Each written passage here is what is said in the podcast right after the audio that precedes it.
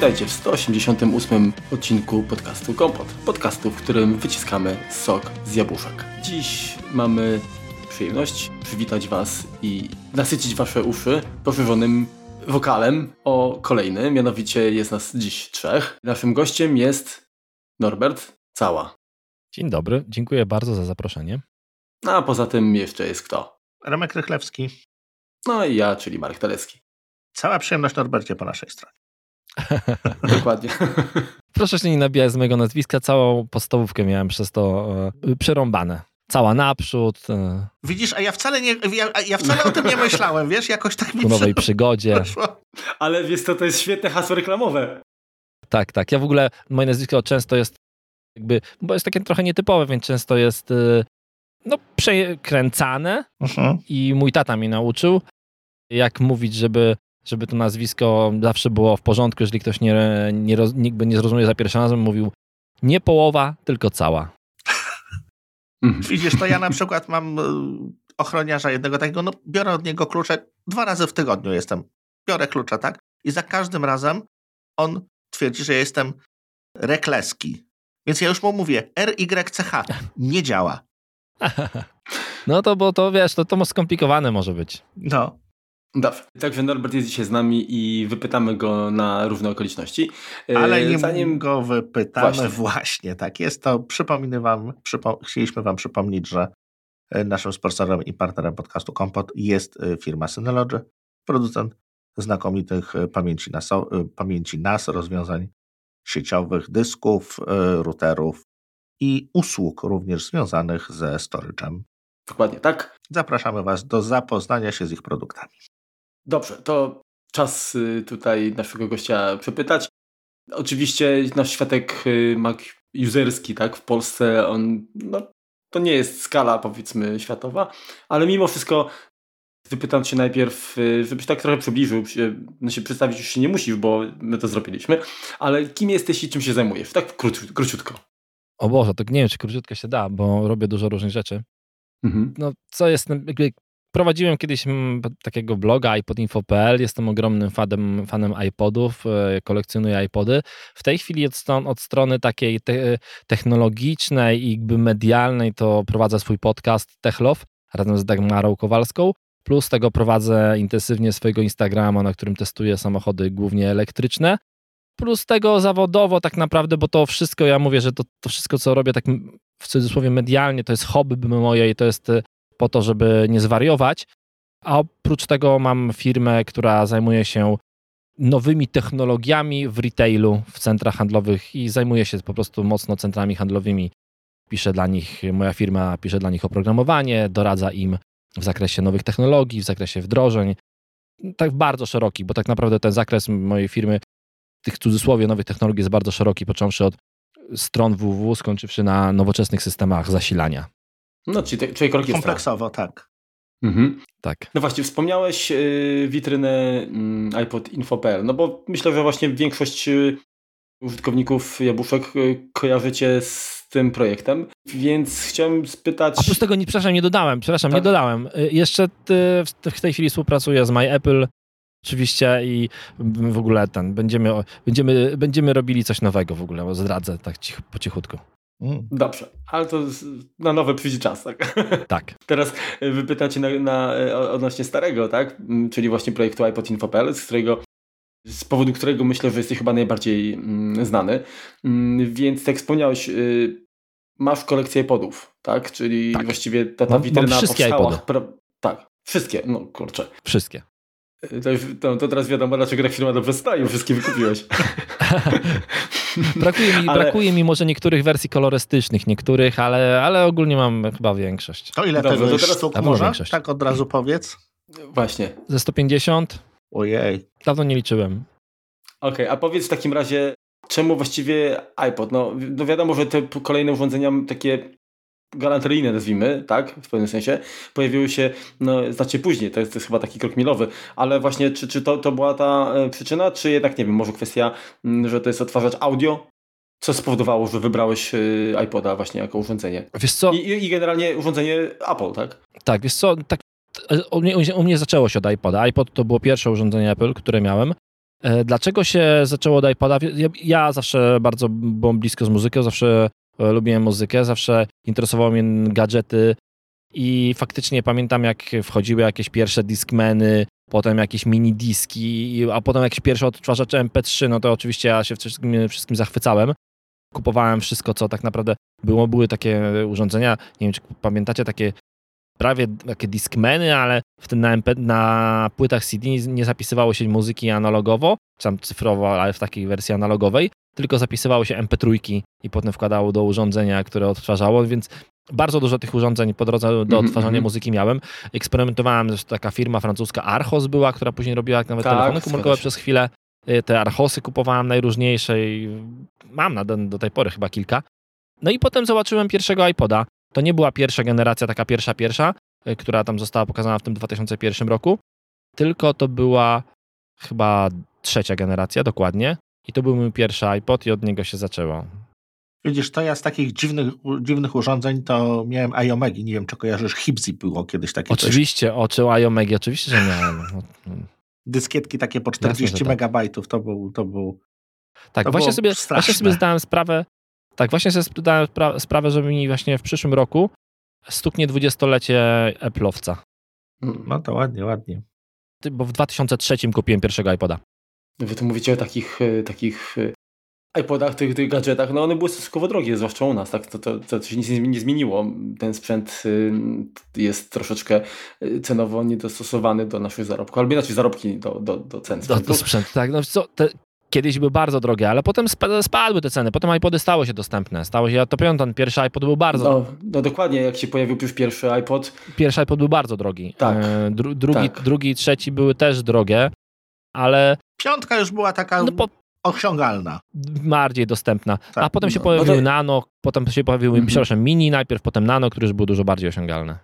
Dokładnie. Znaczy mój pierwszy to był akurat iPod Shuffle pierwszej generacji i następny to chyba... Fantastyczne urządzenie. Bardzo, nano ósmej, ósmej generacji. Bardzo lubię iPoda tak. Shuffle pierwszej generacji, bo to było super urządzenie. Jeżeli słuchacze nie wiedzą, to był taki iPod, który miał wtyczkę USB po prostu w sobie -hmm. i wystarczyło go wetknąć do tak. komputera i nie trzeba żadnych kabelków, żadnych stacji dokujących. Fantastyczne urządzenie. No tak, ale tak y, no 10 maja, czyli no nie tak dawno Apple no, uśmierciło iPoda. To ciekawą zresztą ten, tą relację prasową, tą, tą wiadomość mają, gdzie właściwie no, jak to oni kochają muzykę na koniec, a jak się wyprzedadzą, to już dalej nie będzie. E, co sądzisz na ten temat w ogóle, że, że to się stało? Jakąś świeczuszkę zapaliłeś właśnie, czy odetchnąłeś, że jakby koniec zbierania, mam już komplet, nie wypuszczą nowych? E, wiesz co, e, nie wypuszczą nowych. Tak, może trochę tak. Z drugiej strony, wiesz, można powiedzieć zawsze, pamiętam jak się kierowcy sabów i właściciele sabów cieszyli, jak saba uśmiercono, bo się cieszyli, że ich samochody pójdą w górę ich wartość, mhm. taka zabytkowo sentymentalna, to można powiedzieć tak samo, że iPody pójdą może trochę w górę. A wiesz co, oni iPoda uśmiercili już dawno temu, bo iPod, który ostatni był sprzedawany cały czas w sprzedaży, czyli iPod Touch, to tak naprawdę on nie miał nic wspólnego za bardzo z muzyką, bo to był przecież iPhone bez e, modułu e, GSM, tak. więc tak naprawdę to, to, było, to było urządzenie, które służyło dzieciakom do grania głównie, czyli jak dzieciaki nie, dziecikowi nie chciałeś kupić e, iPhone'a, to mu kupowałeś, bo żeby nie dzwonił i że nie miał jakoś tam, no, nie wiem, kontaktu, to uh-huh. kupowałeś mu iPoda Touch po prostu, więc ten iPod dawno temu tak naprawdę został uśmiercony. Chyba ze 3 czy, chyba z 5 lat temu, czy 4. No bo to była siódemka. Nie pamiętam teraz. chyba, tak. Tak, dokładnie, dokładnie tak. Została, została wtedy wycofana ze sprzedaży. Więc ani nie płakałem, ani nie byłem, ani jakby no, naturalna kolej rzeczy. Teraz mamy muzyka, wiecie, iPod powstał w czasach, gdy, muzyki, gdy muzykę się albo pobierało z internetu, bo się piraciło MP3, albo się kupowało po prostu jakieś MP3. E, I to było urządzenie tamtych czasów. A potem przyszedł streaming i urządzeniem do streamingu są, no a właśnie, iPhony i zupełnie inne urządzenia. Dlatego jakby to po prostu była natura naturalna kolej rzeczy, aczkolwiek sama nazwa jest bardzo nośna i próbowałem sobie przez pewien czas wyobrazić, że może powstać coś innego niż iPod.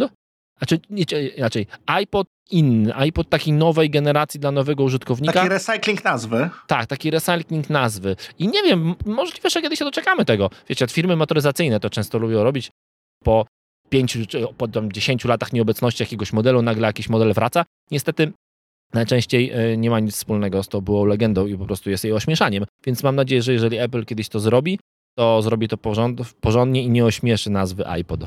No bo tak, bo wiesz co, bo przez ostatnie lata były takie, no, część, część osób z tym świadku Apple'owym spekulowało, że właśnie no, Apple wchodzi dość mocno w tą muzykę y, wyższej jakości, jakieś tam hi-fi prawdziwe, to może by się pojawił jakiś iPod właśnie z dobrym przetwornikiem, skierowany właśnie na, na jakiś tam lossless. To jest, to mógł powiedzieć tylko ktoś, kto, i tak spekulować, tylko ktoś, kto nie zna zupełnie firmy y, Apple. Bo ja pamiętam, napisałem kiedyś taki artykuł, Apple nie robi urządzeń niszowych, bo nie robi. Apple robi mass marketowe urządzenia. Taki iPod byłby urządzeniem totalnie niszowym. Uh mhm. -huh. E, więc to zupełnie e, nie w stylu firmy. No ale wiesz co, czasami potrafią stworzyć kategorię, tak? No wearables, tak jak e, Apple Watch, no to też było niszowe. Po części jeszcze trochę jest. Może był Fitbit wcześniej, to jakoś to roz, rozkręcił, ale no czasem potrafią jakby ze... No nawet iPod jako taki, iPod, tak, nawet iPod jako taki, no on właściwie stworzył modę na tą muzykę. Były oczywiście wcześniej, ale no no właśnie, no właśnie on był odpowiedzią na modę, wiesz, on nie stworzył mody. On był totalnie, tak samo jak Apple Watch moim zdaniem, to nie jest stworzenie mody. Jest to odpowiedź na modę, po prostu od, dobra odpowiedź na modę. Bo muzyka była wcześniej, dlatego powiedziałem na początku, były Discmany, były dziwne konstrukcje e, odtwarzające MP3 z płyt CD. E, naprawdę było ciśnienie i parcie na to, żeby na to, żeby stworzyć takie urządzenie. A no, taki iPod, który byłby takim e, iPodem, który jest totalnie, wiecie, niszowym, no to na, moim zdaniem byłoby totalnie po prostu tworzenie niszy, bo, bo takiego, takiego zapotrzebowania nie ma. Nie, po prostu połowa ludzi nie jest na świecie, nie jest audiofilami. To prawda. Mhm. Dobrze, to y, ja teraz zadam Ci inne pytanie, choć bardzo, bardzo nawiążę jakby do tego, o czym mówimy od paru minut. Jak jak bardzo według Ciebie iPod zmienił rynek muzyczny? Bo wspomniałeś, że był odpowiedzią na modę, tak? I tu się z Tobą jak najbardziej zgodzę. Natomiast mm, był odpowiedzią nie, nie tyle, na, na tyle jakby dobrą, w sensie, że, że, że trafił w gusta użytkowników, ale też zaczął jakby te gusta czy nastawienie użytkowników y, moim zdaniem również zmieniać. Czy zgodzisz się ze stwierdzeniem, że, że przyczynił się na przykład do ukrócenia y, piractwa? No bo wcześniej wiadomo, funkcjonowało Napster i tak dalej. Pojawienie się sklepu z muzyką na iTunes y, Music Store trochę zmieniło optykę, tak? Że jednak można też na tym legalnie zarabiać. Było, był to problem nie tylko użytkowników, był to problem również wytwórni fonograficznych przecież, tak? Żeby ich y, do tego przekonać. Ale jakby co, co, co, co, co, co ty na ten temat sądzisz? Czy, czy może jednak y, czego się obawiali? Czy może iPod spowodował, że finalnie artyści zaczęli zarabiać mniej, bo wcześniej sprzedawało się całe albumy, a tutaj nagle można było kupić pojedynczą ścieżkę za dolara. No wiesz co, sam sobie po, po, po, po troszeczkę odpowiedziałeś, bo według mnie iPod nie zmienił branży muzycznej, to, a branżę muzyczną zmienił iTunes, po prostu. E, iTunes Music Store. No tak, tylko że sam iTunes bez odtwarzacza, myślę, z jabłuszkiem chyba nie, nie zrobiłby... Pewnie, a i sam tak odtwarzać, bez, tak. i, i sam odtwarzać bez iTunesa Dokładnie, też, nie? to jest to combo, no. tak. Dokładnie tak. iPod tak naprawdę zaczął się sprzedawać dobrze od czwartej generacji, wtedy, kiedy właśnie pojawił się e, iTunes Music Store. Artyści na, na pewno byli źli, że można kupić pojedynczą ścieżkę, ale z drugiej strony byli źli tylko przez chwilę. Jeżeli prześledzicie to, to nagle ta sprzedaż tej muzyki ona ogromnie skoczyła. Po prostu Steve Jobs miał ogromnego nosa i wiedział, że ludzie nie chcą słuchać, nie chcą kupować całych albumów, chcą kupować pojedyncze ścieżki, ale będą robili to hurtem, po prostu. Będą kupowali tego więcej, bo to będzie łatwo dostępne. Faktycznie na początku opór artystów był dużo, oni się nie chcieli pojawiać w iTunes Music Store, a z czasem pojawili się tam wszyscy i wszyscy tam zostali. E, więc e, no tutaj to na pewno był geniusz, po prostu objawił się Jobsa, który o tą branżę wywrócił, po prostu wszedł tam i powiedział koniec i odwrócił ją do góry nogami. No i wykorzystał do tego to combo, tego iPoda faktycznie z, połączonego z iTunesem, ale jedno bez drugiego by nie zaistniało. Mhm. Właśnie, bo wydaje mi się, że kwestie pasowania się w gusta użytkownika, to tak mamy tutaj właśnie te dwa, dwa elementy. Yy, samo urządzenie, które jest stylowe, tak? które jest proste w obsłudze, intuicyjne. I po drugiej stronie mamy sklep, gdzie Y, mamy dostęp do albumów łatwy, nie trzeba chodzić po jakichś pirackich sajtach, nie trzeba szukać utworów w dobrej jakości, bo to wszystko mamy podane. Nie? Także cały ten, ten, ten, ten kombine, no chyba to jest właśnie odpowiada za, za ten sukces, prawda? Dokładnie tak. To, że to było proste, że właśnie, że nie trzeba było w Napsterze szukać tych utworów gdzieś, że nie trzeba było, nie wiem, kupować. Pamiętacie, był taki, był taki moment w ogóle w historii ludzkości i muzyki, że artyści sprzedawali MP3 na swoich własnych stronach. Wchodziło się na stronę artysty i kupowało od niego album MP3. Był, był, a tak, potem, tak, faktycznie. A mhm. potem wgrywało, a potem wgrywało do jakiegoś swojego odtwarzacza MP3 czy, czy gdziekolwiek. To był taki okres przejściowy, czyli ten moment między płytą CD a właśnie iTunesem i innymi agregatorami agregatorami do sprzedaży muzyki. Właśnie, było tak, że jak się kupiło płytę, to był kod, po którym e, jak po wejściu na stronę można było w tak, wersji tak, jakby tak. ściągnąć, czyli nie trzeba było sobie samemu ripować. Dokładnie e, tak. Czy często było to jakby utwory w, w właśnie jakimś też we flaku na przykład. Tak, tak kojarzę. Ale byli też artyści, którzy po prostu sprzedawali tylko MP3 na stronie i mogłeś mm -hmm. kupić po prostu wejść, zapłacić, kupić MP3. A potem, ale to było ekstremalnie niewygodne. No to, to zobaczcie, to, to, jest, to jest tak jak sobie dzisiaj nie wyobrażamy tego, że musimy wejść na stronę, my makowcy, Apple'owcy, że, nie, że musimy wejść na stronę jakiegoś producenta i kupić od niego oprogramowanie do, do iPhone'a. Tak jest. No, bo nie, bo kupujemy po prostu je w sklepie. To tak samo, to był taki sam przewrót tam wtedy. I po prostu ludzie w pewnym momencie przestali sobie wyobrażać i zobaczcie, to zmieniło całą branżę. Potem, yy, potem Apple minimalnie troszeczkę przespało, chociaż nie wiem, czy przespało, bo zobaczcie, poja bo pojawiły się systemy streamingowe, to znowu Apple ich nie wynalazło. Tak. E, to tylko wynalazło to inne firmy. I tutaj już Apple'owi się nie udało, firmie nie udało się zdominować tego rynku. Ciągle okay, Apple Music jest bardzo ważnym graczem. Pierwszym, pierwszym wyborem dla, dla, dla e, użytkowników iPhone'ów i no, komputerów e, Apple, ale z drugiej strony wcale nie, nie jedynym wyborem, bo iTunes, bo e, Spotify trzyma się bardzo mocno. Dalej. Tak. Jest ogromnym graczem.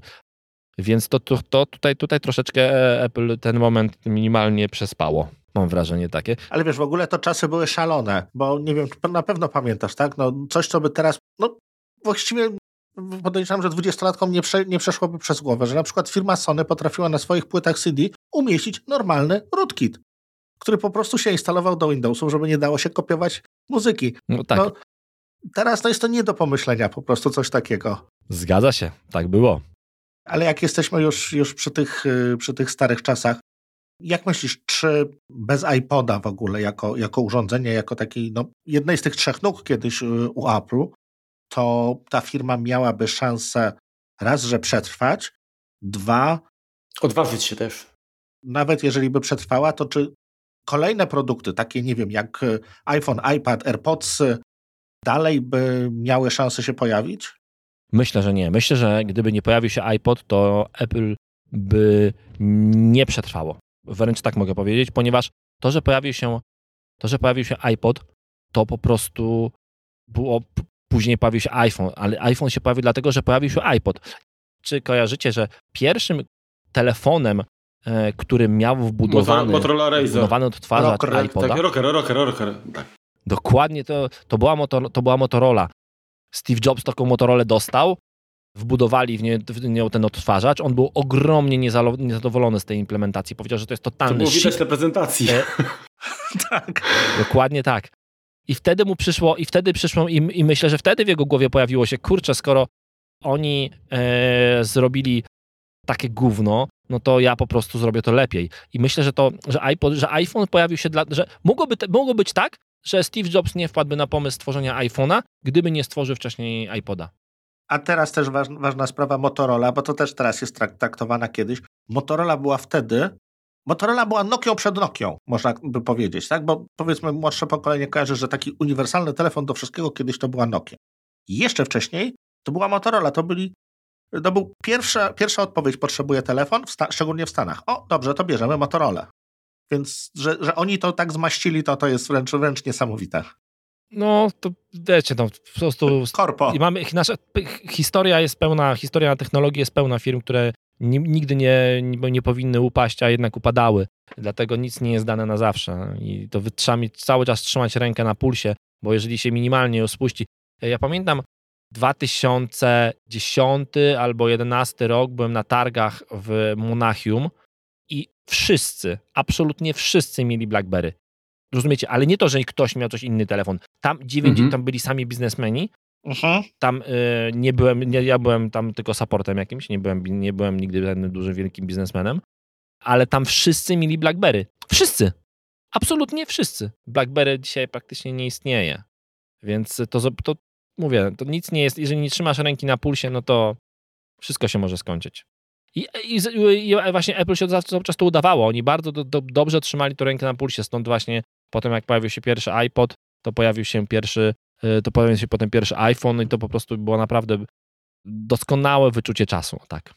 No właśnie, a skoro, y, tak jak mówisz, trzeba pilnować, trzymać rękę na pulsie, czy w perspektywie tych wszystkich lat, gdzie pojawiały się różne y, modele iPodów i różne rozwiązania były implementowane również Dookoła. w nich, czy, tak, czy uważasz, nie, które rozwiązanie byś, byś uznał za nietrafione, za najgorsze? Te, które były oczywiście powiązane z tym urządzeniem. Może samo urządzenie i ewentualnie peryferium, takie, takie, takie dwójka taka. Hmm. Wiecie co, najgorsze tak naprawdę, myślę że, myślę, że najgorszym urządzeniem, które się pojawiło w kategorii iPod i w ogóle to był iPod Shuffle czwartej generacji, czy trzeciej generacji, który nie miał żadnych przycisków. Apple stworzyło takiego iPhone'a swojego czasu, który nie miał żadnych przycisków i mamy wrażenie, że to był najgorsze, co mogło Apple zrobić sobie, bo oni mega mocno skomplikowali obsługę tego urządzenia. Obsługa była tylko przez pilota na kabelku do, do słuchawek. Tak. Było to mega skomplikowane, potem do tego wrócili, to była trzecia generacja, potem wrócili do tego, do czwartej generacji wrócili z powrotem w iPodzie Shuffle do przycisków, zmniej, po prostu stworzyli iPoda, który wyglądał jak druga generacja, tylko ciutkę mniejszy i myślę, że sam ten iPhone, ten iPod był najgorszą e, najgorszym jakby tym, co się przydarzyło w firmie Apple w tej kategorii, a z drugiej strony paradoksalnie w tej chwili iPhony, które, iPody Shuffle trzeciej generacji w, bar, w takiej specjalnej wersji stalowej, e, bo, które były sprzedawane tylko i wyłącznie w e, sklepach Apple Store, czyli nie, nie były sprzedawane w żadnych innych sklepach typu nie były sprzedawane nigdy w Polsce, nigdy nie były sprzedawane w żadnych Mediamarktach ani w tego, tego sklepach, tylko były sprzedawane w oryginalnych Apple Store'ach. W tej chwili te iPhony, te, te iPody Shuffle są bardzo drogie, bardzo ciężko je dostać, e, kosztują po 1000 euro. O Boże, a to były te takie podłużne, taka klamerka? Tak, taka podłużna klamerka, która była w wersji aluminiowej, to była normalny, mhm. normalna wersja, ale występowała właśnie taka, taka specjalna edycja, sprzedawana tylko w Apple Store, która była ze stali, a nie z aluminium i on jest w tej chwili ekstremalnie drogi. Okej, okay. a w takim razie po drugiej stronie, tak? No. Po drugiej stronie, czyli... To z drugiej strony, tak. Czyli który model uważasz iPoda za najbardziej udany? I czy, czy to jest również ten, który darzysz jakby największą sympatią no i sentymentem być może? Wiesz co, my, myślę, że najbardziej udane były, były jakby z jednej strony naj, największym sentymentem darzę klasyczne te iPody, czyli te z kółkiem duże, z normalnym takim dyskiem HD, które były i e, nie wiem, jakieś specjalne edycje, wersja YouTube na przykład, czyli wersja, e, która miała z tyłu podpisy członków YouTube, a z przodu miała była czarna z czerwonym kółeczkiem, to piękne, piękne iPody, mhm. bardzo je lubię. One niestety miały dysk mechaniczny, więc się potrafiły psuć, były mało odporne na upadki. Ja myślę, że taką kwintesencją iPoda, iPoda, tego jak, mm, jak on super działał i super wyglądał, to były to były nano, genera, genera aluminiowe, czyli generacja trzecia na przykład, mhm. e, druga, e, druga. To były takie no, no, najlepsze urządzenia, bo na przykład pierwsza generacja nano, bardzo piękne urządzenie, ale z, z tyłu ze stalą, z przodu z połyskującym plastikiem, bardzo się rysowała, bardzo szybko ten iPod wyglądał jak kubka. Mhm. Apple nawet miało program wymiany tych iPhone'ów, tych iPodów, przepraszam, i wymieniało te najbardziej porysowane e, użytkownikom, a potem wypuścili bardzo znany produkt, który był sprzedawany oficjalnie przez Apple, skarpety na, na iPhone, tak. na, na iPody. E, e, Apple lubi robić takie rzeczy, potem pamiętacie iPhone'a e, czwartej generacji, w którym znikał zasięg, bumper. jak się... Do... Tak, mm -hmm. był mhm. bumper sprzedawany, a nawet był dodawany za darmo. Dla, nawet dla tych, którzy już kupili iPhone'a, można było wejść do sklepu i potem sobie tego zrealizować. Mam, mam w ogóle go nie, nie, nie, nie otworzonego nigdy fabrycznie nowego tego bumpera. No i tak samo było ze skarpetami. Te skarpety też były dodawane e, przez pewien czas za, za darmo e, użytkownikom iPodów, po to, żeby nie narzekali, że się rysują. Czy ktoś w Twoim otoczeniu jeszcze używa iPoda?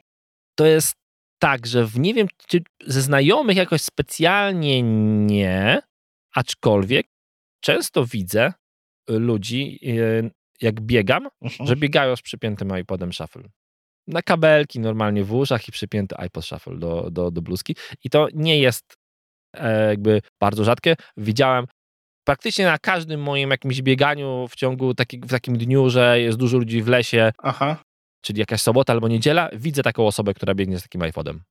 Mhm. A widzisz, myślałem, że będzie, będzie nano szóstej generacji, tak? Czyli ten taki, który potem na, na zegarki prze, przerabiali, ale przerabiali. Tak, to nano, nano szóstej generacji też faktycznie były przerabiane na zegarki, ale nie, jakby takiego te, tych iPhone'ów, tych iPodów, iPodów nie widziałem za dużo, tak? Ale mówię, iPody Shuffle, no regularnie widzę to, no mówię, ja jestem trochę uczulony na to, zwracam uwagę. No jasne. I po prostu to mówię, za każdym bieganiu kogoś takim iPodem Shuffle yy, widzę. To, wiecie, to fajne urządzenie, bardzo małe, bardzo lekkie i w ogóle ja jestem mega fanem urządzeń, które mają swoje jedno zastosowanie.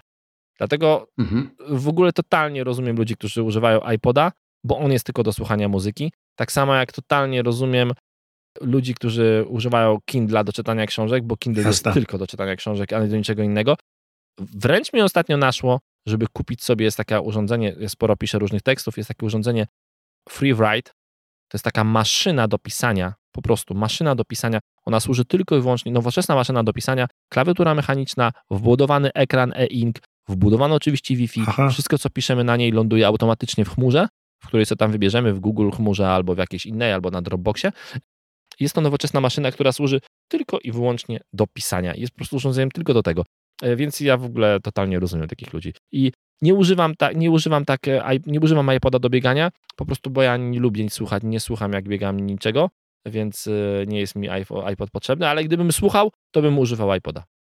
Ja myślę, że wielu posiadaczy wysokiej klasy słuchawek przewodowych po prostu iPody lubi, no bo już nawet nie podłączy do nowszych urządzeń, nie? To są troszeczkę skazani, tak? No trochę, trochę tak. Tam były, były, były takie mody w ogóle różnych, ja mam taki, taki mod iPoda, mhm. którym się przecinało ścieżki na nim, w, zupełnie deaktywując wewnętrzny system DAC i podłączało do niego zewnętrzne wzmacniacze słuchawkowe mhm, mhm. bardzo dobrej jakości i które potem podłączało się do słuchawek. Mam taki zestaw takiego iPoda przerobionego właśnie na tego, takiego tak zwanego iModa, gdzie właśnie jest wycięty ten zupełnie wewnętrzny DAC i, i wypuszczony cyfrowo dźwięk na, na zewnętrzny wzmacniacz słuchawkowy. O ile tak... dobrze pamiętam, to chyba był y, iPod piątej generacji, nie? Y, on był Piątek, taki, tak, tam nawet, dokładnie tak, tak. Był flashowany chyba też na inny soft. Na inny soft był flashowany, w nim się wymieniało też dyski na SSD. Tak. E, znaczy nawet Albo na Compact Flash chyba. Na kompa, przepraszam, dokładnie tak, no, na Compact. Flash oczywiście, no, wtedy na Compact Flash i na SSD. E, chociaż, chociaż są już mody z SSD teraz. Bo, bo ciągle, bo, bo ta scena ciągle żyje. Oni tam ciągle przerabiają te iPody. Mhm. Powiedz mi, y, skoro masz tyle tych y, iPodów, y, czy one wszystkie są sprawne, działające? No bo no, kwestia baterii, kurde, przez lata to jest taka dosyć... Wiesz co, szczerze mówiąc nie wiem. Bardzo dawno ich nie odpalałem. Kiedyś jak miałem więcej miejsca bo miałem, nie miałem dzieci w domu, to miałem te iPody wszystkie w domu. Miałem po prostu dla nich oddzielny pokój. Niestety dzieci się e, pojawiły i pokój został zlikwidowany, więc od, tej, od tej, tego momentu iPody sobie leżą gdzieś tam złożone wszystkie i nie mam do nich takiego bezpośredniego dostępu, więc kiedyś się ładowałem regularnie. Teraz ich nie ładuję. Wszystkie, wszystkie które jakby moim celem, jak zbierałem, to były takie, że miały być wszystkie nowe. Znaczy nie nowe, wszystkie działające, o tak. E, wszystkie sprawne. Mhm. E, jak jest teraz, e, pewnie część nie działa już. Muszę się dostać do nich i tam. Ale masz kompletne z pudełkiem wszystkich? Nie, nie, zazwyczaj nie, zazwyczaj nie mam kompletnych. 80% to są, to są same, same iPody bez, bez, bez pudełek. Ale niektóre wersje takie specjalne, którymi zależało, że mieć z pudełkiem jakieś U2 albo iPod produkowany przez HP. No właśnie miałem o niego pytać, czego masz. Firmy, bo też takie były. Mam, mam. One były, mam, mam dwa takie iPody, bo mam i, i mini i po prostu ten klasyczny Y, tam czwartej generacji, bo, bo to były i taki, i taki był produkowany przez HP. Tak mam, mam oczywiście. Mhm. To przejdźmy do drugiej kwestii. Czy gdzieś możemy zobaczyć twoje iPody aktualnie? Nie, moich iPodów aktualnie nie, nie możecie zobaczyć i raczej jakby całej mojej kolekcji, takiej całej, całej mhm. od początku do końca, myślę, że pewnie nigdy jakoś tam specjalnie nie będziecie mogli zobaczyć y, oficjalnie nigdzie, bo, no bo E, bo nie ma, bo jakby, nie wiem, nie ma, nie ma, nie ma chyba takiej potrzeby, nie mam takiego miejsca do wstawienia. Wiem, o co chcesz spytać zaraz. Tak, dokładnie. Więc, więc bo, bo chcę spytać o Apple Muzeum. Nie, moich iPodów w Apple Muzeum na pewno na ten moment nie będzie mojej kolekcji w Apple Muzeum. Całej, to na pewno. Apple Muzeum jest troszeczkę w standardowym takim wersji, jest trochę zbyt małą miejscem, to nowe, które będzie, żeby, żeby była tam oddzielna miejsce, żeby pokazać wszystkie iPody. Myślę, że może się kiedyś zdarzyć tak, że część tych iPodów będzie albo będą, bo, bo Apple Muzeum będzie się zmieniało, typu ono to nie będzie stały twór, który nie będzie się zmieniał, będą różne tematyczne wystawy, więc może kiedyś tak przydarzy, ale na ten moment na starcie Apple Muzeum na, e, Polska na pewno nie będzie dostępna e, jakby moja kolekcja w całości, aczkolwiek iPody będą, bo Jacek ma, bo Jacek Kupina E, właściciel 90% pięciu kolekcji, ma też sporo iPodów i te iPody, które będą wystawione na starcie mu e, przedstawiciele tam różnych wersji, typu nie będzie wszystkich kolorów albo coś takiego, ale będą iPody, to będą Jacka iPody. Mhm, właśnie, a to przybliż w takim razie, jaka jest twoja rola w tym projekcie właśnie Apple Muzeum Polska? Trochę taka, że e, jakby Apple Muzeum Polska to jest projekt, gdzie Jacek jak i, i fundacja Jacka E, która, Fundacja Muzeum, która jest właścicielem tych kolekcji iPodów, ona po prostu udostępnia firmie Jabłko, tak się nazywa firma, tę swoją kolekcję i firma Jabłko organizuje tą wystawę w fabryce Norblina. Tak to wygląda. Mhm. Ja mam taką, ja jeżeli chodzi o Apple Muzeum, troszeczkę spowodowałem, że firma Jabłko się w ogóle pojawiła. Może nie spowodowałem. Poznałem ludzi odpowiednich ze sobą. O tak, poznałem Jacka. Połączyłeś kropki. Z właścicielami firmy Jabłko. Dokładnie tak, może trochę połączyłem kropki. Potem moja rola się trochę różnie zmieniała. Ostatecznie, jakby, bo, bo, bo mówię, bo jestem też dość mocno zajętym, zajętą osobą. Ostatecznie, jakby jestem, zasiadam w Radzie Muzeum, która projektuje to, co ma się pojawić, i jakby to, co w muzeum zobaczycie, to jest efekt tego, co wymyśliła Rada. I moje oficjalne stanowisko jest brzydkie. Jestem dyrektorem do spraw marketingu, mm -hmm. tak to się nazywa. I głównie odpowiadam za to, za różne patronaty, za różne patronaty Apple Muzeum, czyli dogaduje to e, jakby patronaty medialne, patronem medialnym muzeum jest TikTok, ELT, e, Radio Tok FM, AntyWeb, MyApple, więc ja, to są takie tematy, które prowadzę bezpośrednio jakoś tam, dogaduję się z tymi partnerami wszystkimi odnośnie właśnie chociażby no promowania Apple Muzeum, więc to tak to wygląda. Taka jest, taka jest moja rola mhm. w, tym, e, w tym jakby przedsięwzięciu. Całość jakby kolekcji, tak jak mówię, ca całość jest zorganizowana tak, że po prostu Jacek jako fundacja i jako founder e, wynajmuje firmie Jabłko swoją kolekcję, a firma Jabłko organizuje wystawę. O tak. Mhm. Swoją drogą fabryka Norblina to prawie jak fabryka Norberta, nie? Ale e, powiedz mi, wkrótce otwarcie muzeum. Tak, otwarcie muzeum jest 28 tak, jesteś no, w zasadzie od początku zaangażowany tak, w, w, te, w ten projekt. Poza tobą, kto jeszcze, tak, albo inaczej, ile osób, tak, przede wszystkim y, Dużo. nad tym prac, pracuje. No właśnie, i, i ile czasu, od, od kiedy, no bo my mieliśmy okazję z Jackiem przeprowadzić też wywiad jakiś czas temu, gdy jego kolekcja jeszcze była w jego prywatnym mieszkaniu. Włosiu. Tak. Yy, tak. I Potem się przeprowadził bardzo, bardzo, tak, kolekcję tak. tam do Piaseczna do Piaseczna, dokładnie tak, do, do, do takiego, jakby miejsce w Piasecznej zostaje, ono będzie trochę takim magazynem, a trochę warsztatem takim dla muzeum. E, w samym Apple Muzeum w Norblinie będzie po prostu to, to taka gotowa, żywa, żywa wystawa. Ile ludzi w to zaangażowanych? Wiecie, Rada Muzeum miała, były takie momenty, że zasiadało tam ponad 10 osób. Teraz to się zmienia, bo zależy od tego, jak są potrzebne osoby. Na pewno jest najważniejsza osoba Jacka, są e, jest, y, jest, są, są osoby z marketingu, które są w tym momencie cztery łącznie ze mną, albo nawet pięć. Są osoby, które zajmują się całą administracją. To są jakieś kolejne dwie osoby. Są pracownicy zatrudnieni bezpośrednio w Apple Muzeum, czyli pracownicy, ludzie, którzy będą oprowadzali ludzi po muzeum. Aż tak. Ludzie, o. którzy będą sprzed, sprzed, tak, tam oczywiście, ludzie, tam będzie podwójna obsada, bo to muszą, bo, bo, bo muzeum będzie otwarte nie więcej niż 8 godzin, więc musi być podwójna obsada tych ludzi. No jest to, no, tak, to tam chyba takich stałych pracowników na stałe zatrudnionych jest 8 osób, które są no, odpowiedzialne za obsługę samej sali muzealnej. No to mhm. poważne, tak. Więc, więc sporo, tak, y, pojawiali się po drodze architekci, którzy projektowali zabudowy, pojawiali się konsultanci z zakresu muzealnictwa, mówiący jak, jak, jakby, jak powinniśmy tą wystawę zorganizować. Pojawiali się ludzie, którzy, nie wiem, ja akurat pisał i to Jacek pisał audioguida, ale ludzie, pojawiały się osoby, które czytają audioguida, bardzo znany głos, będzie go czytał. Chyba nie mogę zdradzać kto, ale nie wiem, chyba, chyba nie jeszcze. A może mogę, nie wiem, czy ta informacja poszła oficjalnie już, więc... To nie zdradzajmy.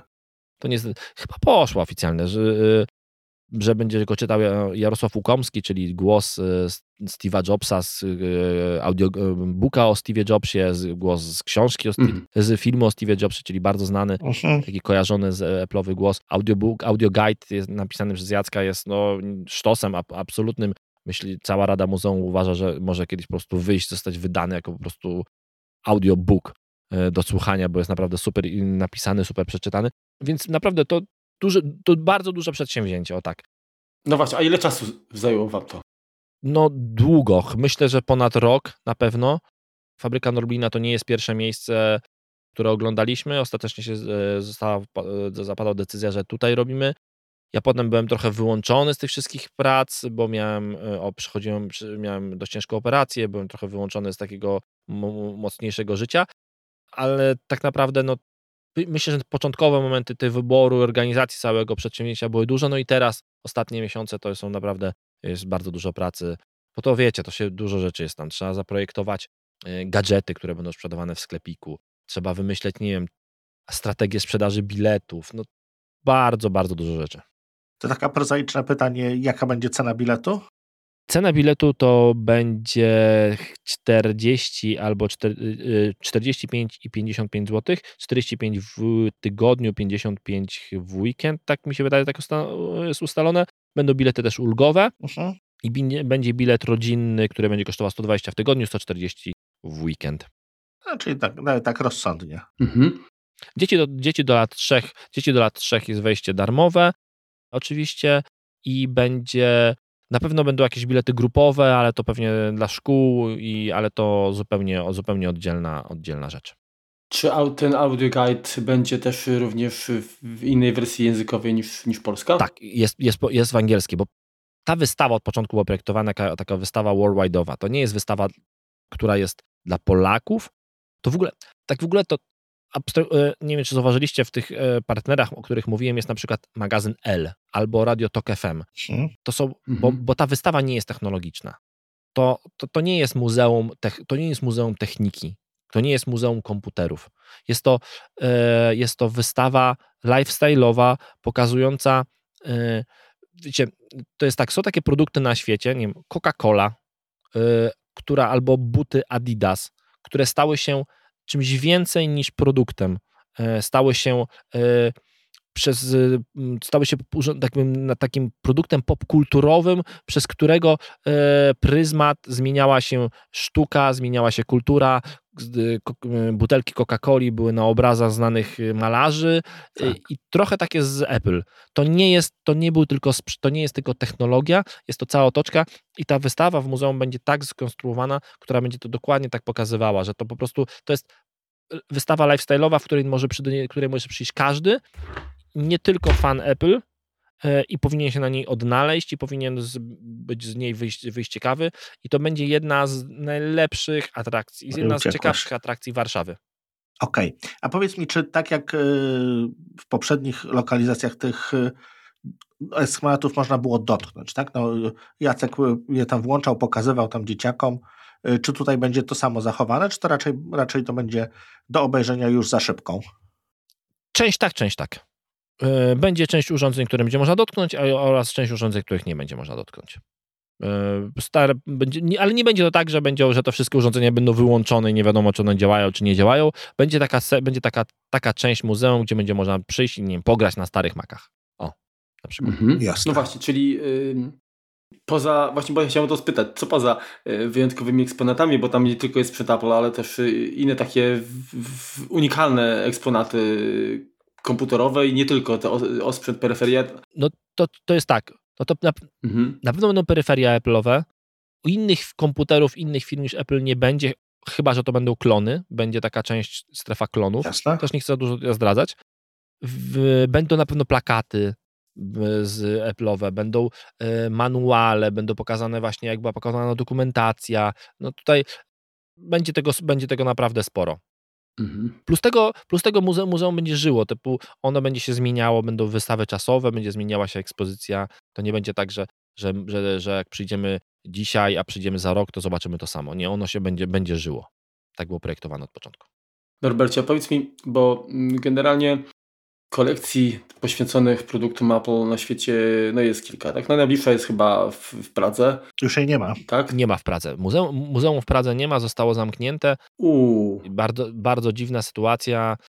Jakiś konflikt y, biznesowo-rodzinny. Nie wiadomo, co się stało z eksponatami. Bardzo dużo niejasności wokół tego muzeum. Nie wiadomo, czy te na przykład tam było Apple 1 oryginalne, w naszym muzeum będzie replika tylko, mhm. ale y, pojawiały się w tej chwili bardzo duże wątpliwości, czy to było oryginalne Apple 1, e, czy nie było oryginalne, więc dużo się. No i tam właśnie wszystkie urządzenia były wyłączone, nie do końca było wiadomo, czy one działają, czy nie, nie do końca było wiadomo, kto jest właścicielem. Bardzo niejasna sytuacja. Muzeum jest nieczynne od ponad dwóch lat. No widzisz, to... Ono się zamknęło trochę przed, pan, trochę przed pandemią. To chyba, chyba zamknęli po, po mojej wizycie, bo, bo ja jeszcze zdążyłem tam no, się widzisz, załapać. przeszedłeś i popsułeś, no. E, no to, przepraszam. E, no to chyba najbliżej jest w takim razie Muzeum MacPau, tak? No i też, też, tak, tak teoretycznie, tak też teoretycznie jest, ale Kijów wiemy, bo to Muzeum MacPau, mm -hmm. czyli w mhm. Kijowie, Kijów, y, w, w, Ukraina w stanie wojny. Muzeum się nic nie stało, kolekcja jest bezpieczna y, w Kijowie. W tej kolekcji jest troszeczkę polskich w ogóle sprzętów pochodzących z Polski, bo Michał Gołubiński, który miał swoją kolekcję AIM, y, Apple AIM Muzeum, on sprzedał część rzeczy do kolekcji MacPau. MacPau mieli otworzyć to muzeum. No, patrząc na to, co się dzieje w Ukrainie i się dzieje w Kijowie, ja nie podejrzewam, żeby w ciągu najbliższego czasu zostało to muzeum tak publicznie otwarte. Więc jak popatrzymy sobie na te wszystkie muzea, to takiego muzeum, jak będzie nasze muzeum, e, Apple Muzeum Polska Fabryce Norblina, nie ma w Europie na pewno. Typu nie ma. Mhm, no właśnie. Nie ma zorganizowanego muzeum, które jest otwarte dla zwiedzających, zrobionego kompleksowo, bo na przykład są jakieś muzea w Weronie, ale to są muzea na takiej zasadzie trochę jak było w Piasecznie Apple Muzeum, że można się tam umówić, przyjść, obejrzeć, ale to nie jest tak usankcjonowane. My będziemy prawdziwą, działającą organizacją, gdzie będzie się kupowało bilety i przychodziło na wystawę. I muzeum jest zaplanowane w tym miejscu, gdzie jest, że będzie przez 5 lat. Okej. Okay. Przynajmniej, bo taki jest okres najmu.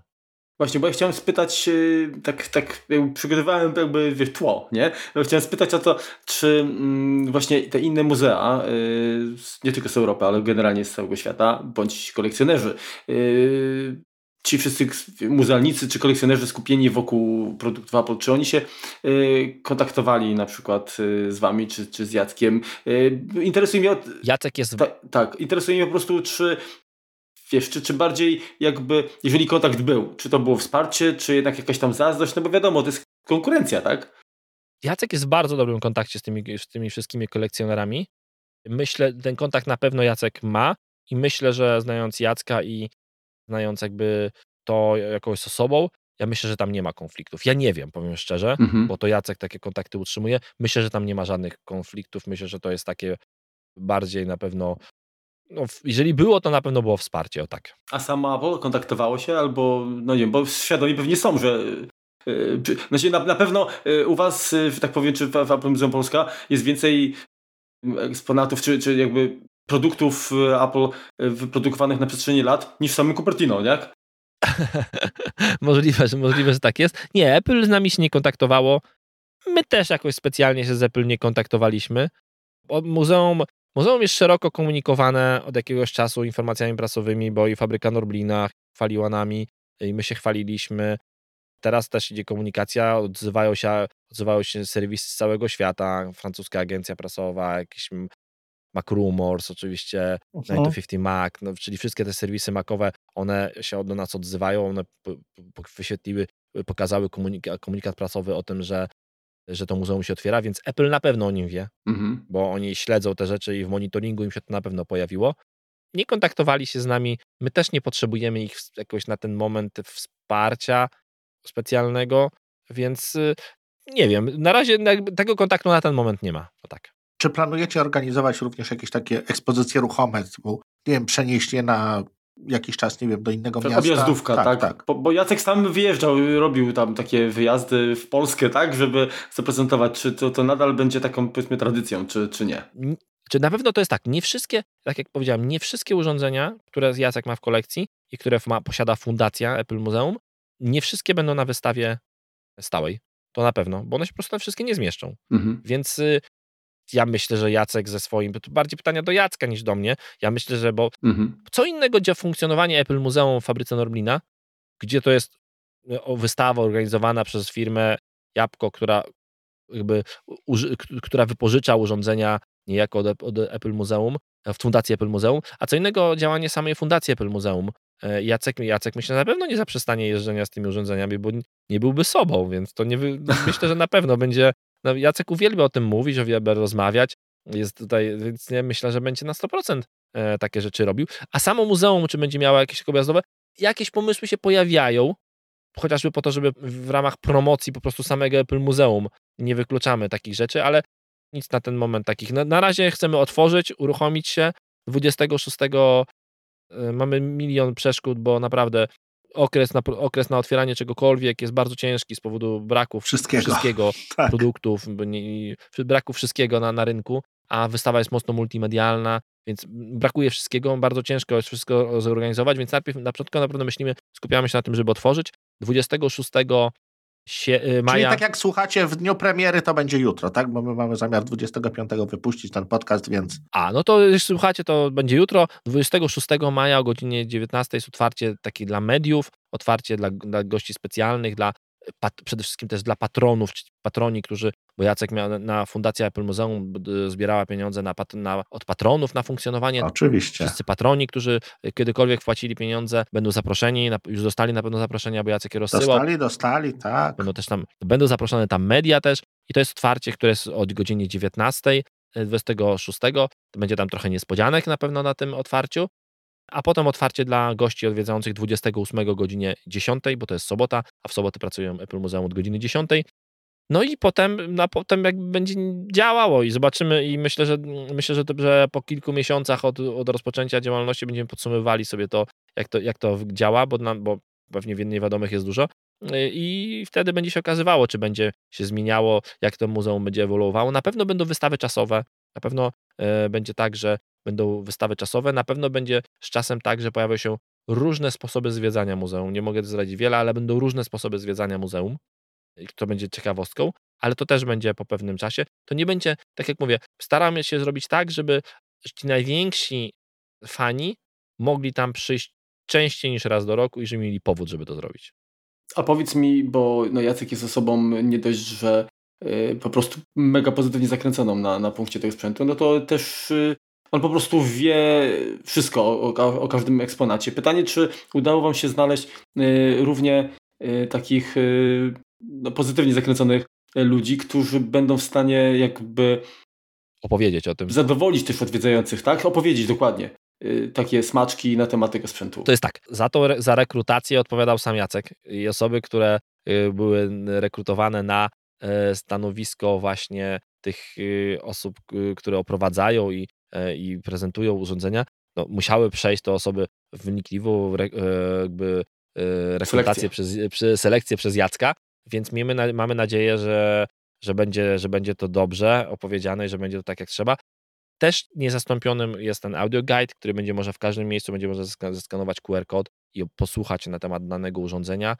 Dobry audio guide daje ogromny experience ze zwiedzaniem muzeum. Ja pamiętam najlepszy chyba guide, który widziałem, to był w Muzeum w Alca e, Alcatraz, więzienie Alcatraz. Naprawdę zwiedzanie więzienia z, z tym audioguidem staje się pasjonujące. I myślę, że, i myślę, że nasz, bo, bo, bo, trochę, bo trochę to jest taki, trochę jest to taki po prostu serial i robi się z tego po prostu, jesteśmy częścią tego życia tego muzeum tam, czy tego e, więzienia tam, a tutaj tego muzeum. I myślę, że to będzie bardzo, bardzo ważna rzecz. No lepiej z audioguidem niż klawiszem, tak? tak, lepiej z audioguidem niż klawiszem, zdecydowanie. Widzisz, ale to mogę powiedzieć tutaj bez, e, nie, nie, nie podając jakby szczegółów, myślę. Ostatnio rozmawiałem z jednym, z jednym ze swoich znajomych i był właśnie cały dumny z siebie, też zakręcony makowo człowiek, że, że właśnie e, jego syn się dostał Więc, e, więc tak, to są ludzie nie z przypadku, z tego, z tego co wiem, tylko tacy, którym rzeczywiście zależało na tym, żeby, żeby mieć tutaj jakiś tam kontakt i, no to, to, to fajnie. i zakręceni właśnie w tym, w tym temacie. E, pozdrawiam przy okazji.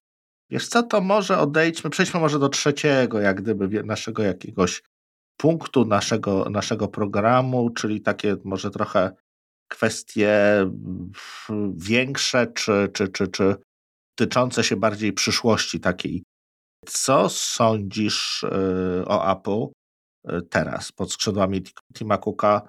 Czy odpowiada Ci aktualny kierunek rozwoju firmy, czy, czy jednak tęsknisz za tym, co było kiedyś? Znaczy to jest tak, e, ciężko, ciężko, żeby nie odpowiadał, bo tak naprawdę jeżeli jesteś fanem firmy i widzisz, że ta firma się mega mocno rozwija, no to tak naprawdę powinieneś, e, powinieneś się cieszyć z tego wszystkiego. Ale wiesz, malkontentów nie brakuje z drugiej strony. Tak, malkontentów z drugiej strony nie brakuje. Na pewno Apple pod e, wodzą e, Tima Cooka stało się firmą zdecydowanie bardziej nastawioną na zysk. Czy to dobrze, czy to źle? Nie wiem. Chyba dobrze, bo jeżeli nam zależy na. Zobaczcie, na dobrych, na dobrych sprzętach, no to fajnie, że potem jest zysk, bo z tego zysku się biorą dobre sprzęty. Zgadza się. Ja używam komputeru, komputerów Apple od pewnie 19 lat, bo kupiłem chwilę później Maca po iPodzie. Mój, moja czternastka obecna, MacBook 14 z procesorem M1, to jest najlepszy Mac, którego używałem. Najlepszy. Nie było lepszego Maca niż ten. Więc no to chyba nic się w tej firmie złego nie dzieje. Jak standardowy y, produkt, czyli e, właśnie ich komputer, jest po prostu genialnym sprzętem. Apple, no, wypuszczając teraz własną linię procesorów, no zrobiło coś genialnego. To po prostu to jest. Rozstrzelali wszystkich innych producentów procesorów w jednym momencie. Mają fantastyczny sprzęt. iPhone. Bardzo dobre urządzenie, bardzo bezpieczne, synonim bezpieczeństwa tak naprawdę w tym, w tym momencie. Ruchy Y, z samego Tima Cooka, który mówił, hej, jak FBI, nic tam nie dostaniecie do żadnego wejścia tylnego do naszych iPhone'ów, bo iPhone to iPhone i on jest bezpieczne urządzenie. Jakby ciężko znaleźć rysę na tej firmie. I jakby, ja rozumiem, że są malkontenci, ale ci malkontenci jakby, mam nadzieję, mam wrażenie, że się biorą z tego, że zabrakło w tej firmie może takiej odrobiny romantyzmu, że nie ma tego Steve'a Jobsa, który wychodzi, mówi one more thing e, na koniec i pokazuje coś tam, e, jest takich mniej e, właśnie tej, takiej takiej, takiej trochę gry aktorskiej w tym w keynote'ach, że to jest wszystkie bardziej takie zaplanowane, bardziej, no ale chyba taka ta firma musiała być, no po prostu, że, że, żeby, żeby osiągać zyski, żeby robić coraz lepsze urządzenia. Ja uważam, że w historii firmy od początku do, do dzisiaj lepszych urządzeń niż mamy w tej chwili nie było. Mhm. No ale, ale czy miałeś w ogóle kiedyś taki, taki kryzys wiary, takie poczucie, że to, co oferują, że tak, no jest taki, no nie do końca to jest to, czego jakby oczekiwałeś, tak? Może nie chodzi konkretnie o sprzęt, ale może to będą usługi albo programowanie.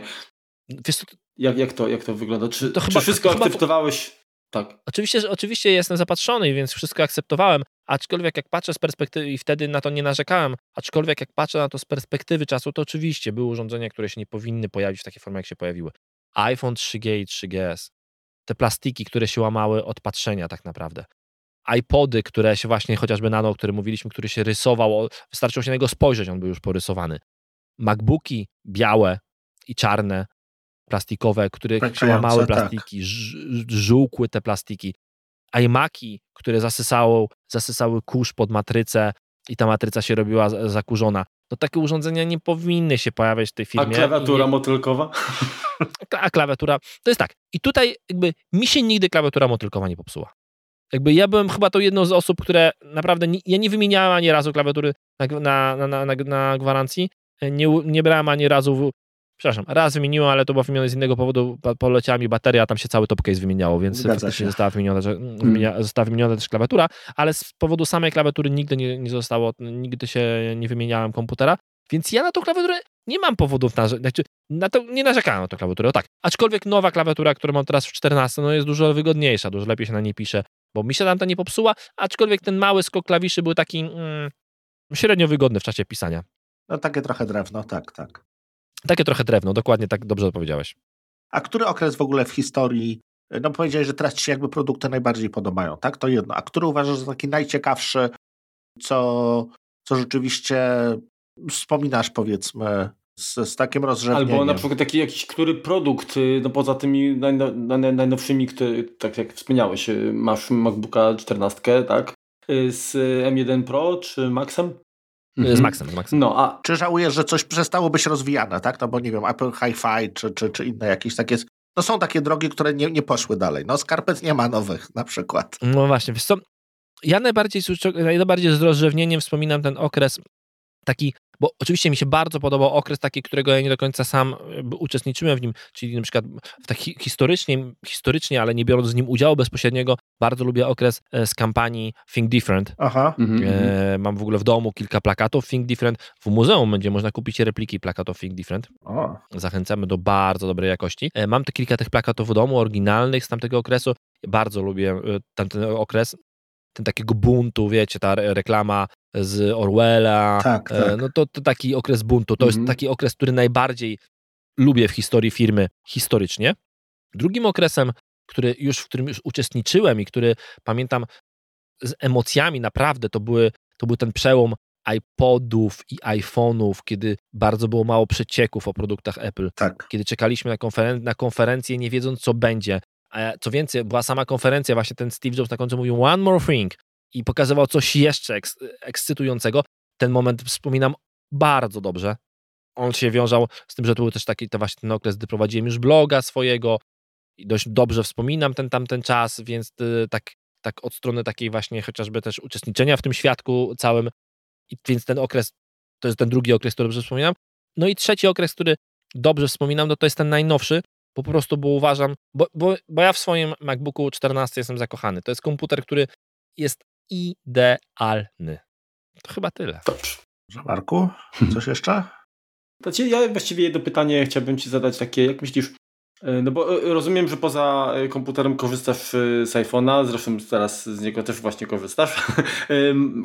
Masz AirPodsy, tak? Mam, mam AirPodsy Pro, zgadza się. Mhm. Bardzo e, dobry sprzęt, bardzo, bardzo uwielbiam. Maxy też, czy? Nie, Maxów nie mam. E, Maxów nie mam, tutaj używam słuchawek e, Banket Olufsen, jeżeli chodzi o takie nauszne słuchawki, mhm. ale AirPods jest, są moje podstawowymi słuchawkami. W tej chwili, jak rozmawiam z wami, mam AirPodsa Pro w prawym uchu, jednego, więc ja sobie bez AirPodsów trochę życia nie wyobrażam. Wiecie, to jest tak, że dla mnie i na przykład tak samo dla mojej żony, dla nas jest naturalne, że jak rozmawiamy w domu, to po prostu rozmawiamy, zawsze wkładamy słuchawkę w ucho. Ja bardzo, ja bardzo rzadko rozmawiam z iPhone'a, mając go przy uchu. Bo albo rozmawiam z, iPhone'a e, w samochodzie i przy, przez, wtedy przez CarPlay, a przez zestaw głośno mówiący, albo używam, albo rozmawiam z iPhone'a przez AirPodsa. Naprawdę, to jest bardzo rzadko uży, trzymam iPhone'a przy uchu. Bo chciałem się spytać o, o, o taką rzecz. Parę miesięcy temu e, Apple skonwertowało całą swoją fonotekę do formatu bezstratnego, tak? Dodatkowo mamy tak. special audio, tak?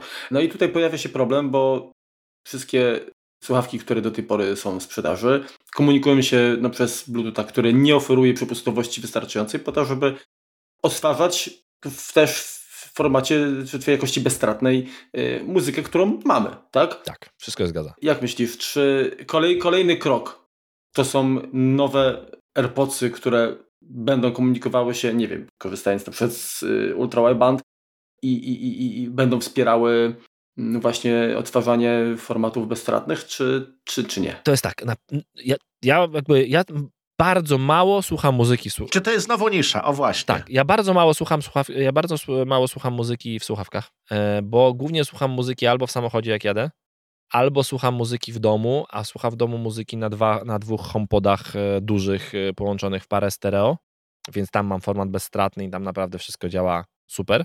Na pewno rynek słuchawek dla Apple jest ważny, to pokazuje też przejęcie firmy Beats. Na pewno Apple będzie rozwijało słuchawki. AirPods jest dla nich ogromnym, ogromnym rynkiem. AirPods dla nich są bardzo ważne dla firmy i na pewno będą słuchawki rozwijały. To jest pewne, że zobaczymy że w słuchawkach będziemy widzieli dużo, dużo zmian i to tutaj będą się pojawiały te, pojawiały te nowości. Pewnie powstanie jakiś też inny produkt, zupełnie z innej kategorii, jakiś AR albo, albo nie wiem, no taki z VR, może VR pewnie mniej, bardziej jakiś AR, augmented reality, ale słuchawki to będzie to, gdzie będziemy w najbliższym czasie widzieli duży, dużo zmian i tam będą się pojawiały nowe generacje AirPodsów, Nie wiem, czy, nie wiem, co będzie z HomePodem. Martwię się o HomePoda, bo ja bardzo lubię mhm. HomePoda. Mam, mówię, mam dwa e, duże, mam dwa małe. Martwię się troszeczkę o HomePoda. Mam nadzieję, że go nie wytną. Ja bym chciał zobaczyć nowego HomePoda, tak, tego duży, dużego. O, to jest faktycznie. Jeżeli czekam na jakiś produkt, to chciałbym zobaczyć dużego HomePoda. Oprócz tego, wiecie, też nie wspomnieliśmy o bardzo wielu rzeczach. Nie wspomnieliśmy o mhm. CarPlayu, no tak. o tym, że Apple prawdopodobnie wejdzie mocniej w automotive, więc pewnie wejdzie w jakieś e, pewnie nie, nie, nie sądzę, że wyprodukowali swój samochód. Bardziej wyprodukują system operacyjny do samochodu, na, tak jak jest, bo jest e, Android Automotive, który jest systemem operacyjnym do samochodu. Ja myślę, że może wejść jakiś system Apple'owy, taki, który będzie po prostu systemem operacyjnym do samochodu, integrującym wszystko, od począwszy od systemów autonomicznej jazdy, skończywszy na, na tym, co widzimy, co widzimy na, na zegarach. To na pewno jest, będzie dla Apple bardzo ważny rynek, e, ten e, automotive. Myślę, że bardzo ważnym rynkiem dla Apple będzie na pewno rynek, rynek zegarka, bo rynek zegarka to jest ogromny, e, Apple Watch to jest ogromny biznes, więc te urządzenia wearable, no tutaj jest, jest tyle płaszczyzn do rozwoju firmy, że ja się o nią nie martwię, tak. Mhm. Znaczy, ja bardzo kibicuję na przykład kwestii integracji właśnie AirPodsów z funkcjami zdrowotnymi, tak, żeby, nie wiem, mierzyły temperaturę, mierzyły ciśnienie, nie wiem na ile jest to możliwe, ale właśnie jakiś te czujniki, które trafiały do zegarka, również żeby poszły gdzieś, gdzieś dalej. do słuchawek. To jest kolejne, dokładnie, tak. Jest, jest, to, jest to możliwe. Wiecie, zegarki otrzymają w najbliższym czasie na pewno dużo nowych możliwości. Na pewno otrzymają możliwość pomiaru cukru we krwi e, za pomocą zegarka. To dla, dla osób chorych na cukrzycę będzie game changer ich życia po prostu zupełny.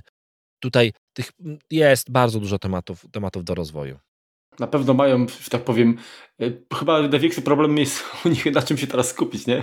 Jaki tak, bo, bo, bo i troszeczkę im nie wychodzi, jak robią kilka rzeczy naraz, to widać, że to skupienie jest jakby... Że im, że im wtedy, tak, że, im, że to skupienie jest mniejsze. E, dokładnie, no ja nie jak mówię, słuchawki na pewno są bardzo mocne, na pewno pojawia się jakiś nowy produkt, nie mogą przestać rozwijać iPhone'a, no bo to ciągle jest ta branża, która tam troszeczkę działa i na pewno te iPhony się sprzedają bardzo dobrze, więc pewnie będą się pojawiały nowe. Chociaż ja bym nie wykluczał tego, że, że za jakiś czas przejdziemy, Apple przyjdzie na, dwu, na dwuletni cykl wypuszczania nowych iPhone'ów. Nie wykluczam tego. Tak, tak, tak samo jak to było z iPodami. iPody też były taki moment, że pojawiały się co roku, co roku, co roku, a potem pojawiały się co dwa, a potem pojawiały się co trzy. I myślę, że będzie, że iPhone też się zbliża powoli do tego momentu, gdy nie, gdy nie pojawi się co roku nowy. Ale myślisz, że będą powiedzmy mieli na tyle odwagi, tak? No bo mieli odwagę usunąć słuchaw, y, złącze z, z jacka, czy złącze słuchawkowe. No to, Tutaj usunę... to też jest pewna odwaga, tak? Żeby pozbyć się... Że zostało usunięte. Tak, żeby się pozbyć tego produktu corocznie. Co, corocznie. Czy myślisz, że nie wiem, oni będą pierwsi, czy skop, skopiują, no, pójdą za, za jakimś Samsungiem, czy innym, tak, czy, dokładnie. Za rynkiem? Ja, myśl, ja myślę, że nie. Ja, ja, myślę, że nie. Że, to, że jeżeli ktokolwiek to zrobi, to będzie Apple pierwszy. To jest pewne. To jest jakby, że tutaj, jeżeli chodzi o to, to wszyscy producenci patrzą na Apple, to Apple zaczęło wydawać produkty co roku. Jeżeli ktokolwiek skończy z takim, z takim systemem, to będzie również Apple.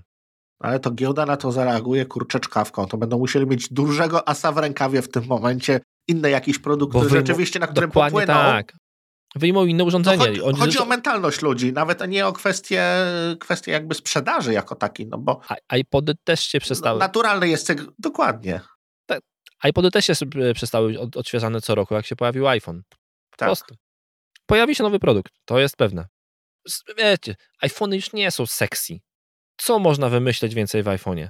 Mo no, okay. twoja matka, e, nasze matki mają iPhony. iPhony nie mogą być już sexy. No. Dokładnie tak. Wiecie, to jest e, tak, że czekają nas dwie zmiany w iPhone. Trzy duże zmiany w iPhone'ie nas czekają jeszcze. Zastąpienie złącza USB, e, Lightning USB-C. To jest jedna duża zmiana. Druga duża zmiana, skasowanie zupełne nocza. I trzecia duża zmiana to może być czujnik e, linii papilarnych pod ekranem, chociaż nie wiem, czy to się kiedykolwiek pojawi. E, więc mamy dwie, góra trzy duże zmiany w iPhone'ie, które mogą się, które mogą się stać. No bo, bo ja nie wierzę w składanego iPhone'a, w zwijanego, rolowanego czy cokolwiek innego. Nie wierzę w to, bo to jest znowu produkt niszowy, produkt, który zrobiony jest totalnie na siłę. I nie mówię, i mówię to jako, jako użytkownik takich urządzeń, bo, bo testowałem i składane w jedną i w drugą stronę urządzenia, e, urządzenia i to naprawdę jest to, to jakby... Nic nie wnosi, poza ceną. Złe, y, źle, źle, źle powiedziałem. To nie jest na siłę. Jest to niszowe, bo znam ludzi i znam zastosowania, w których się to może sprawdzić i będzie spoczko, ale to znowu będzie bardzo niszowe. To nie jest dla każdego urządzenia. Apple nie produkuje sprzętów niszowych i nigdy nie produkowało i nigdy ich produkować nie będzie. Dlatego w takiego iPhone'a nie wierzę. No dobrze, to właściwie chyba ogarnęliśmy wszystko, Remku. Tak, tak. Tipa, tak. nie? Ja tipa. Tak, dobrze. Tip związany z naszym sponsorem, czyli firmą Synology. Zachęcamy do rejestracji na szkolenie z situ Backup. Jeżeli chcielibyście się dowiedzieć, w jaki sposób tworzy się kopie zapasowe przy pomocy rozwiązań Synology, to raz możecie posłuchać starszych odcinków kompotu, a jeżeli będziecie czuli jakiś niedosyt, to można się zarejestrować na bezpłatne szkolenie online, które odbędzie się 7 czerwca. O godzinie 10. Zgadza się. No dobrze. Y, Norbercie, bardzo Ci dziękujemy za to, że poświęciłeś czas i zechciałeś się tutaj spotkać w naszym gronie. To ja dziękuję. I porozmawiać, bo zawsze odcinki z gośćmi są dla nas mega przyjemne. I tak naprawdę mieliśmy już ochotę zrobić to wcześniej. A, że tak powiem, ta wirtualna śmierć iPoda, iPoda. chyba... Zmotywowała tak, nas, tak. Tak. No tak. ym, przeprowadziłem w ostatnim czasie. Na stypie zawsze może być wesoło, no. No. Dokładnie tak. Wiecie, w naszej kulturze stypy może nie są wesołe, ale są kultury inne, w których na stypach jest wesoło i, i cieszę się tym. I cieszę się z tego, szczególnie jeżeli ktoś długo przeżył i żył w dobrym zdrowiu, i żył w pełni szczęścia, i, ży, i żył pełnią życia. A tak mam wrażenie, że takie było życie iPoda, to na takich stypach należy się cieszyć i myślę, że dokładnie tak to wygląda, że należy się cieszyć na tej naszej wirtualnej stypie, bo, bo to był świetny produkt, który zmienił rynek, zmienił oblicze firmy, pomógł jej, mam, mam wrażenie, być tym, kim są dzisiaj, więc tylko się cieszyć. Pięknie to ująłeś. Zgadza się. Zresztą sam nazwałem odcinek koniec czy nowy początek, no bo de facto to tak jest, że coś się kończy, coś się zaczyna. Ciekawie, ciekawi jesteśmy na pewno, co, co to będzie.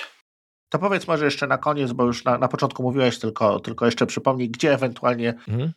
pokierować możemy osoby, gdzie, które, które by chciałyby Cię jakby znaleźć. e, To jest iPod Info, to jest pewnie jedno. Gdzie jeszcze można? Tak, mnie, znaczy i- i- iPodinfo.pl jest to strona, która jest, nie żyje, jest trochę martwa, na niej się nie pojawia nic nowego. Nawet, nawet nie wrzuciłem tam informacji o śmierci iPoda, bo, bo, bo- bo, uznałem, że to zamknięty, zamknięty rozdział e, mojego, mojego pisania, aczkolwiek domenę zawsze będę utrzymywał, zapraszam, bo są tam moje teksty o wszystkich iPodach, które wyszły, można przeczytać ich pełną historię. Ja zapraszam, żeby mnie słuchać w podcaście Techlow, Polecamy. tak, y, podcast Techlow będzie, myślę, w najbliższym czasie, oprócz tego, że podcastem będzie czymś innym. To jedno.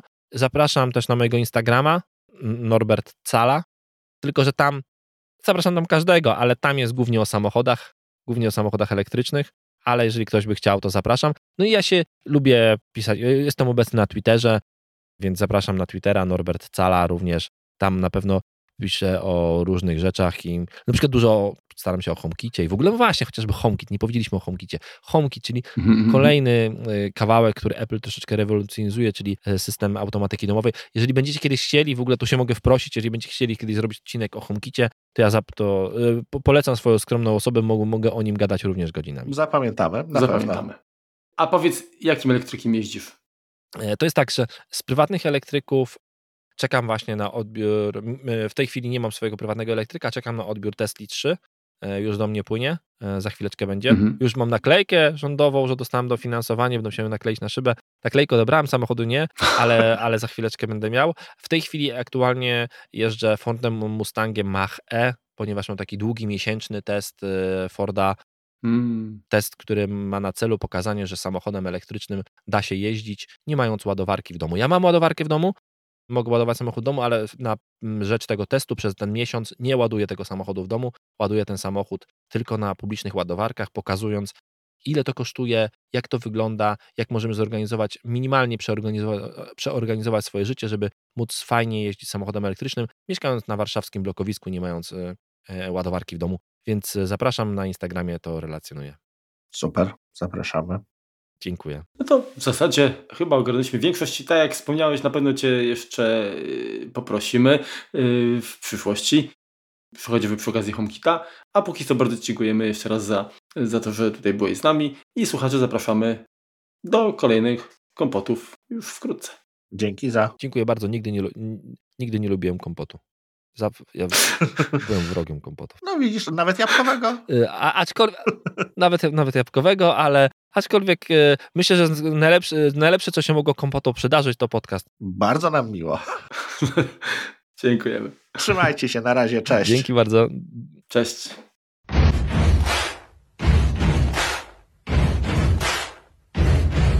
Prowadź, Marku. Witajcie.